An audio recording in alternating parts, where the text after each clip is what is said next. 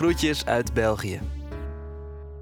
De derdejaars radiostudenten van het Rits in Brussel legden hun oor te luisteren bij enkele markante Nederlanders die in België wonen.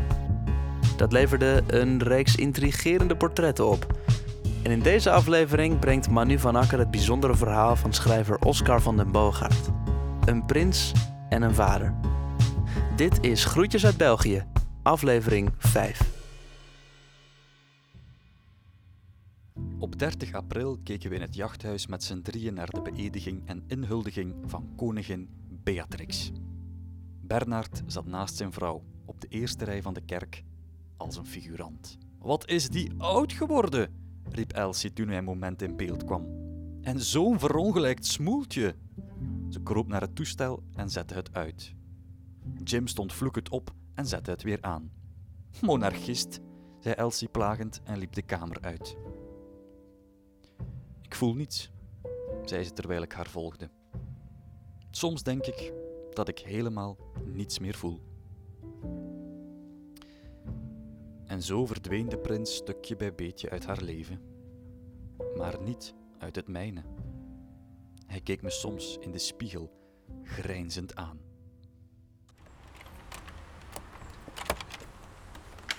Hallo, Hallo Oscar, welkom. dankjewel. Ja, Amai, wat een prachtig huis. ja. Wauw. Zeer groot. Ja, en je moet dan meteen schoenen uitdoen. Ja, ja, de- tuurlijk, tuurlijk. Oscar van den Boogaard is een gevierd schrijver. Hij schreef tientallen boeken en toneelstukken. Sommige boeken werden verfilmd en stukken die werden opgevoerd. Ik ben welkom in zijn prachtige huis in Antwerpen waar hij net woont. We drinken koffie met room en hij vertelt me over hoe hij als schrijver nog nooit een prijs won.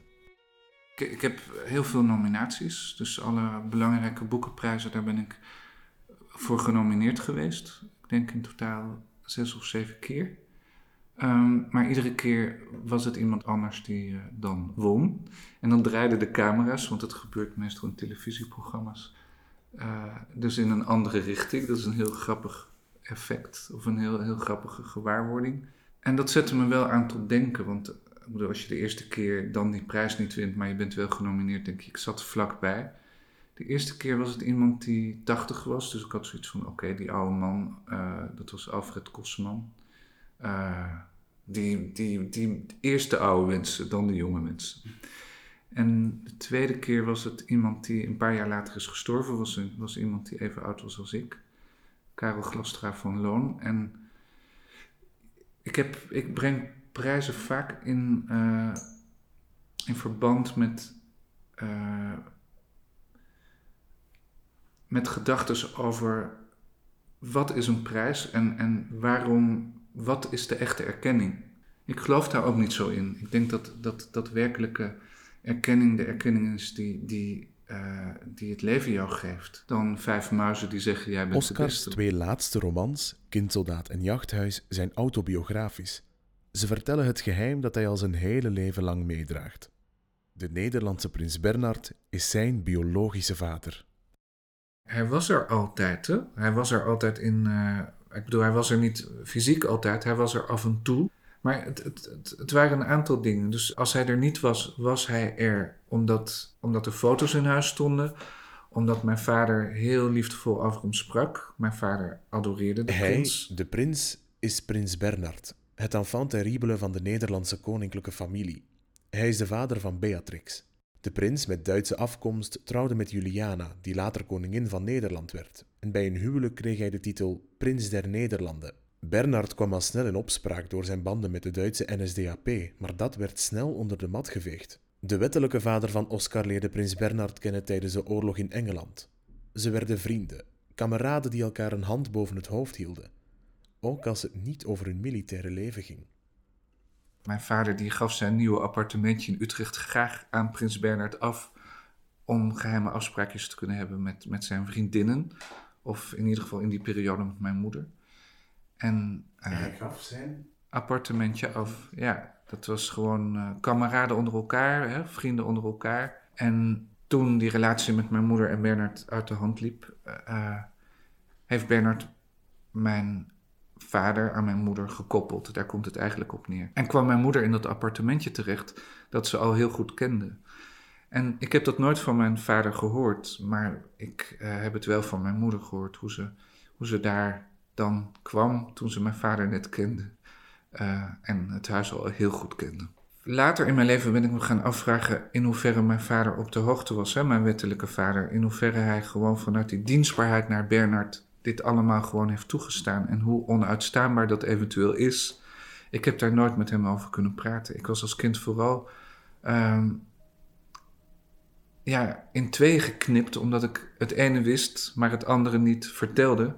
Uh, omdat mijn wettelijk vader uh, ook een hele lieve man was. Ik vond het ook een geweldige, fantastische man. Tegelijkertijd was hij totaal afstandelijk en onbereikbaar.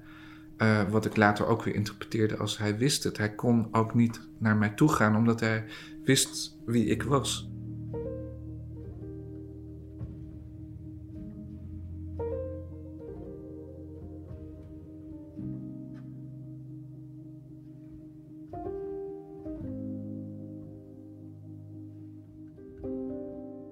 Heeft iemand dat ooit letterlijk tegen u gezegd?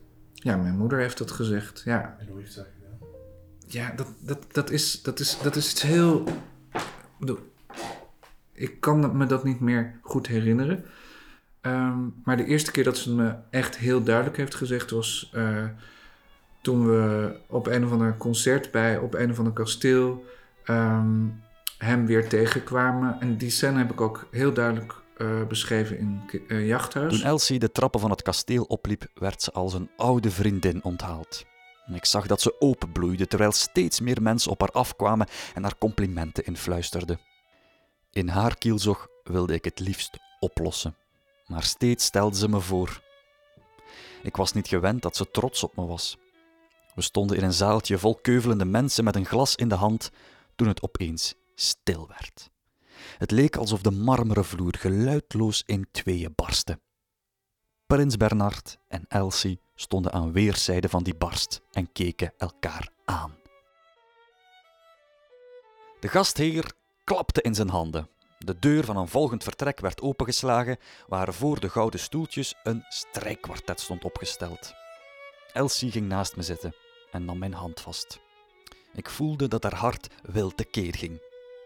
De strijkers begonnen te spelen in korte, krachtige streken die zich langzaam losmaakten en vrijgelaten werden. Bij een hoge, ijle toon die de violiste uit haar instrument tevoorschijn liet komen, liet ze plotseling haar stok los en viel flauw. Prins Bernard was al vertrokken. Ik zag dat het niet goed ging met Elsie. Ik zei dat we beter konden gaan. Elsie reed de oprijlaan af, maar zodra we door de poort naar buiten waren gereden, zette ze haar auto stil tussen twee oude bomen. Ze legde haar hoofd op het stuur en begon te huilen. We hebben nog een tijdje gewacht voor we terug naar huis reden. Ze zei wel drie keer hoe erg ze het vond voor die violiste. Ze rookte de ene sigaret na de andere. Roken is ademhalen, zei ze. Voor mij was het stikken. Ik stikte in en stikte uit. Ik dacht dat ik prins Bernard nooit meer zou zien en beschermde mezelf met de gedachte dat ik dat ook helemaal niet meer wilde, maar wist niet dat er nog een apotheose moest volgen. En dat is voor mij echt het begin van het ondubbelzinnige besef van hoe de situatie Het leven van prins Bernard is niet zonder slag of stoot verlopen. Hij zou een minderjarig meisje van Juliana's toneelclub gezoend en betast hebben. Bernard nam steekpenningen aan om vliegtuigen van een Amerikaanse fabrikant aan te kopen. En in Operatie Lok deed hij uit eigen zak een duit in het zakje door gewelddadige operaties te verrichten in Afrika. Als dat alles nog niet genoeg was, had hij ook nog meerdere affaires. Maar na zijn dood werden interviews gepubliceerd. Die mochten toen pas vrijkomen. Hij had ze afgelegd om met een zuiver geweten te kunnen sterven. Zo onthulde de Volkskrant in 2004, enkele maanden na zijn dood, een interview waarin hij bekend twee buitenechtelijke dochters te hebben. In een televisiedocumentaire over Bernard zijn leven zijn de twee hoofdredacteurs van de krant meer dan gelukkig over een koninklijke primeur. Ze glimmen van trots. Volkskrant hoofdredacteur Pieter Broertjes en Jan Tromp hebben het voor elkaar. De grootste koninklijke primeur in hun krant. Nou ja, het was natuurlijk wel een buitengewoon uh, project. Zoiets hebben we niet elke week. uh, Once in your lifetime, denk ik. Ja. Dat Once in a Lifetime project begon rond de millenniumwisseling. Broertjes en Tromp wilden een interview met de prins voor een terugblik. We hebben een list bedacht. We hebben aan de prins uh, gezegd... als het niet van de Rijksvoorlichtingsdienst mag, maar wel van u... waarom zouden we elkaar dan niet een beetje in het geheim, een beetje stiekem uh, ontmoeten? Uh, dan kunt u fijn openhartig zijn, over alles vertellen wat op uw hart ligt... en wij beloven te publiceren na uw dood. Hij was echt gefrustreerd omdat hij niet kon vertellen over wat hem had bezighouden. Hij wilde niet zijn kist in, zoals hij zelf zei, uh, zonder dat hij een keer schoon schip kon maken. En of dat nou de volle waarheid is, dat kunnen wij niet uh, checken. Vind ik eerlijk gezegd ook niet zo Omdat interessant. Omdat prins Bernard ooit bekende dat hij twee buitenechtelijke kinderen had, is voor heel wat mensen reden genoeg dat het verhaal van Oscar niet waar is. Ook royalty watchers, de kenners van het blauwe bloed, spreken zich daar in interviews en magazines over uit. Wat Oscar zegt zou onwaar zijn, volgens Justine Marcella, de hoofdredacteur van het royaltyblad Forsten. Het is een wel eens niet een spelletje, zegt ze in een radio-interview.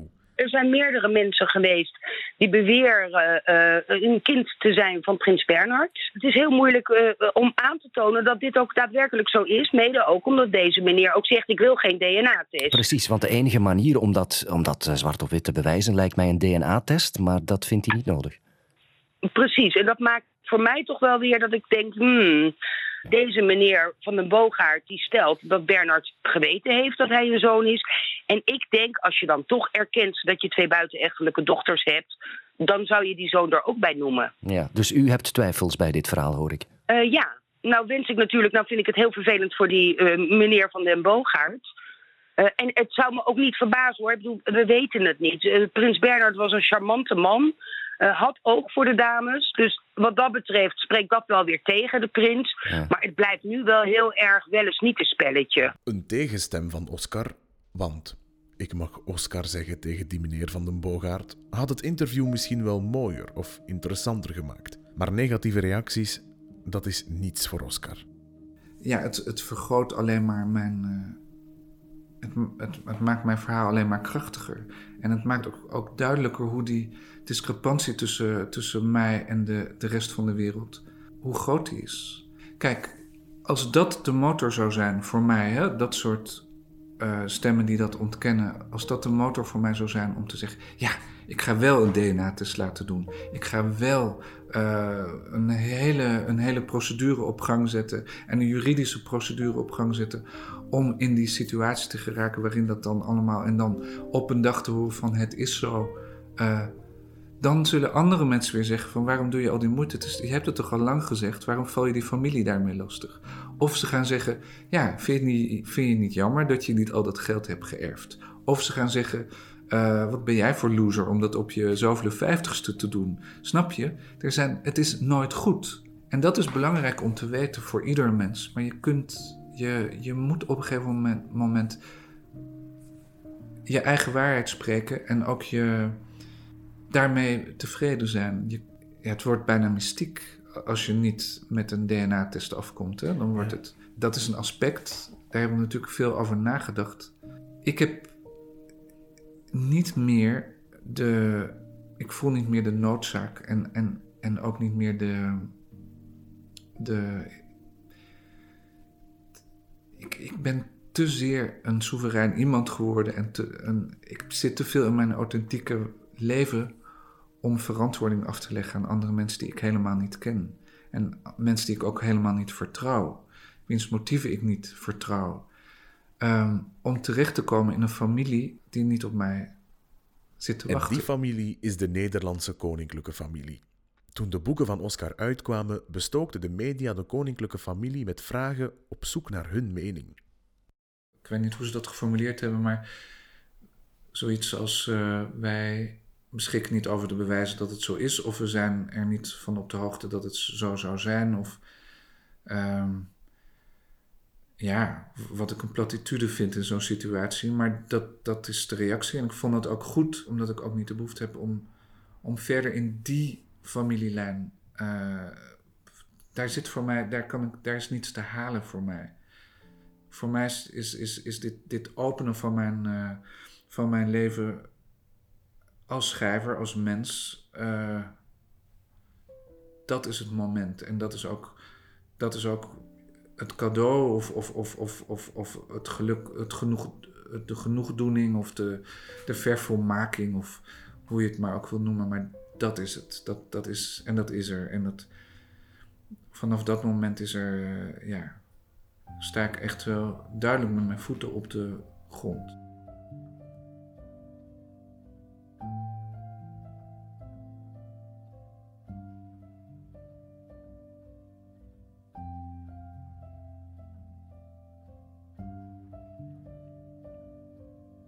Ik voelde dat, dat Nederlandse verhaal van de, van de collectieve familie, de koninklijke familie, uh, die eigenlijk ook dan weer een, ja, op een bepaalde manier ook mijn familie is, uh, dat dat onhoudbaar was. Ik, ik, ik, ik, kon die fictie van, van, van die Nederlandse samenleving echt niet aan.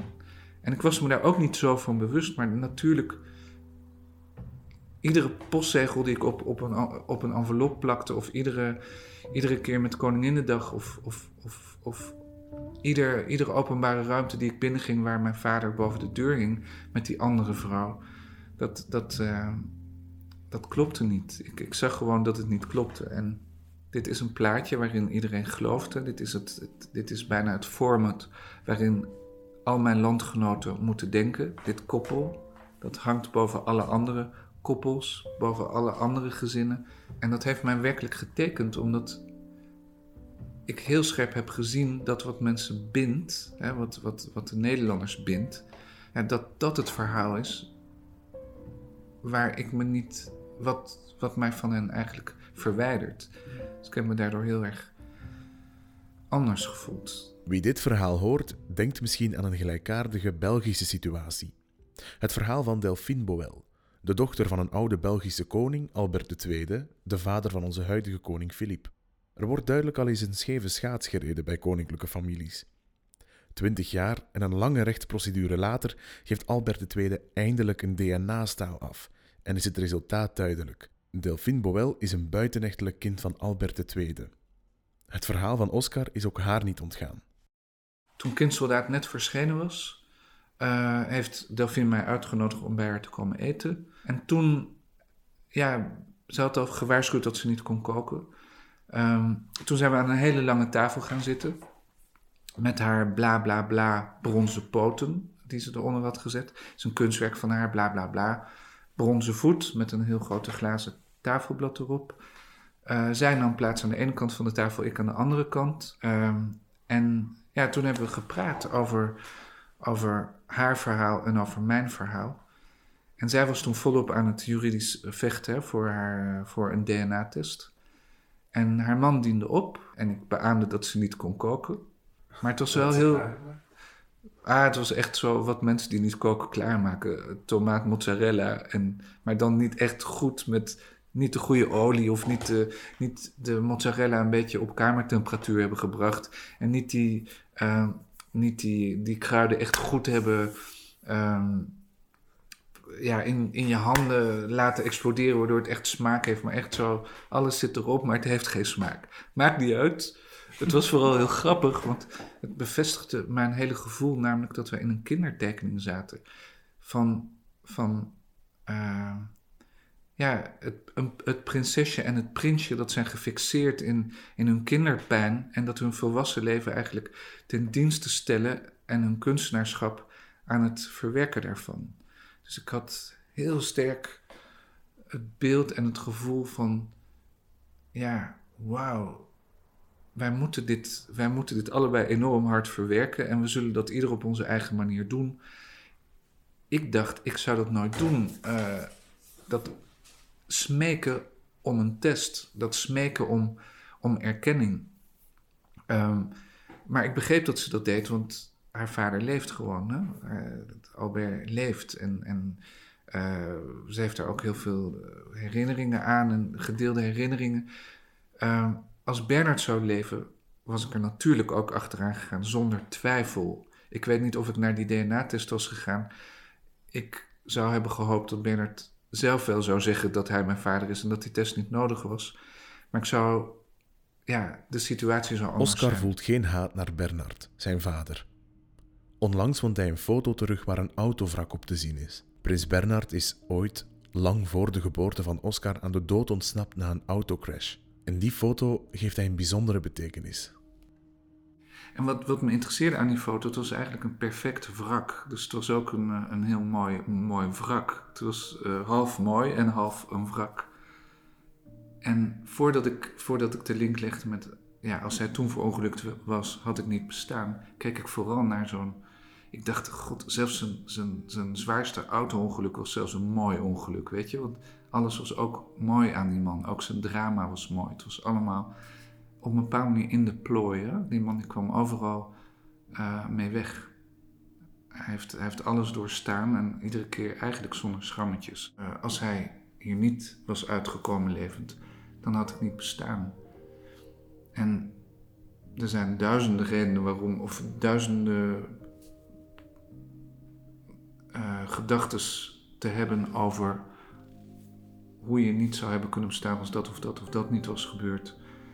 Uh, maar dit was echt wel gevat in een beeld. Dus het beeld van een frontale botsing, waarin iemand gewoon door een soort echte beschermengel blijkbaar uh, eruit kan stappen. Hij reed 160 km per uur, stond in de krant uit dat jaar. Maar toch, dat je ook niet had kunnen bestaan. Om redenen die veel verder teruggaan dan, dan uh, het jaar van je geboorte. Namelijk, dit was toch wel 30 jaar eerder. Uh, ja. Vond ik een mooie gedachte vandaag.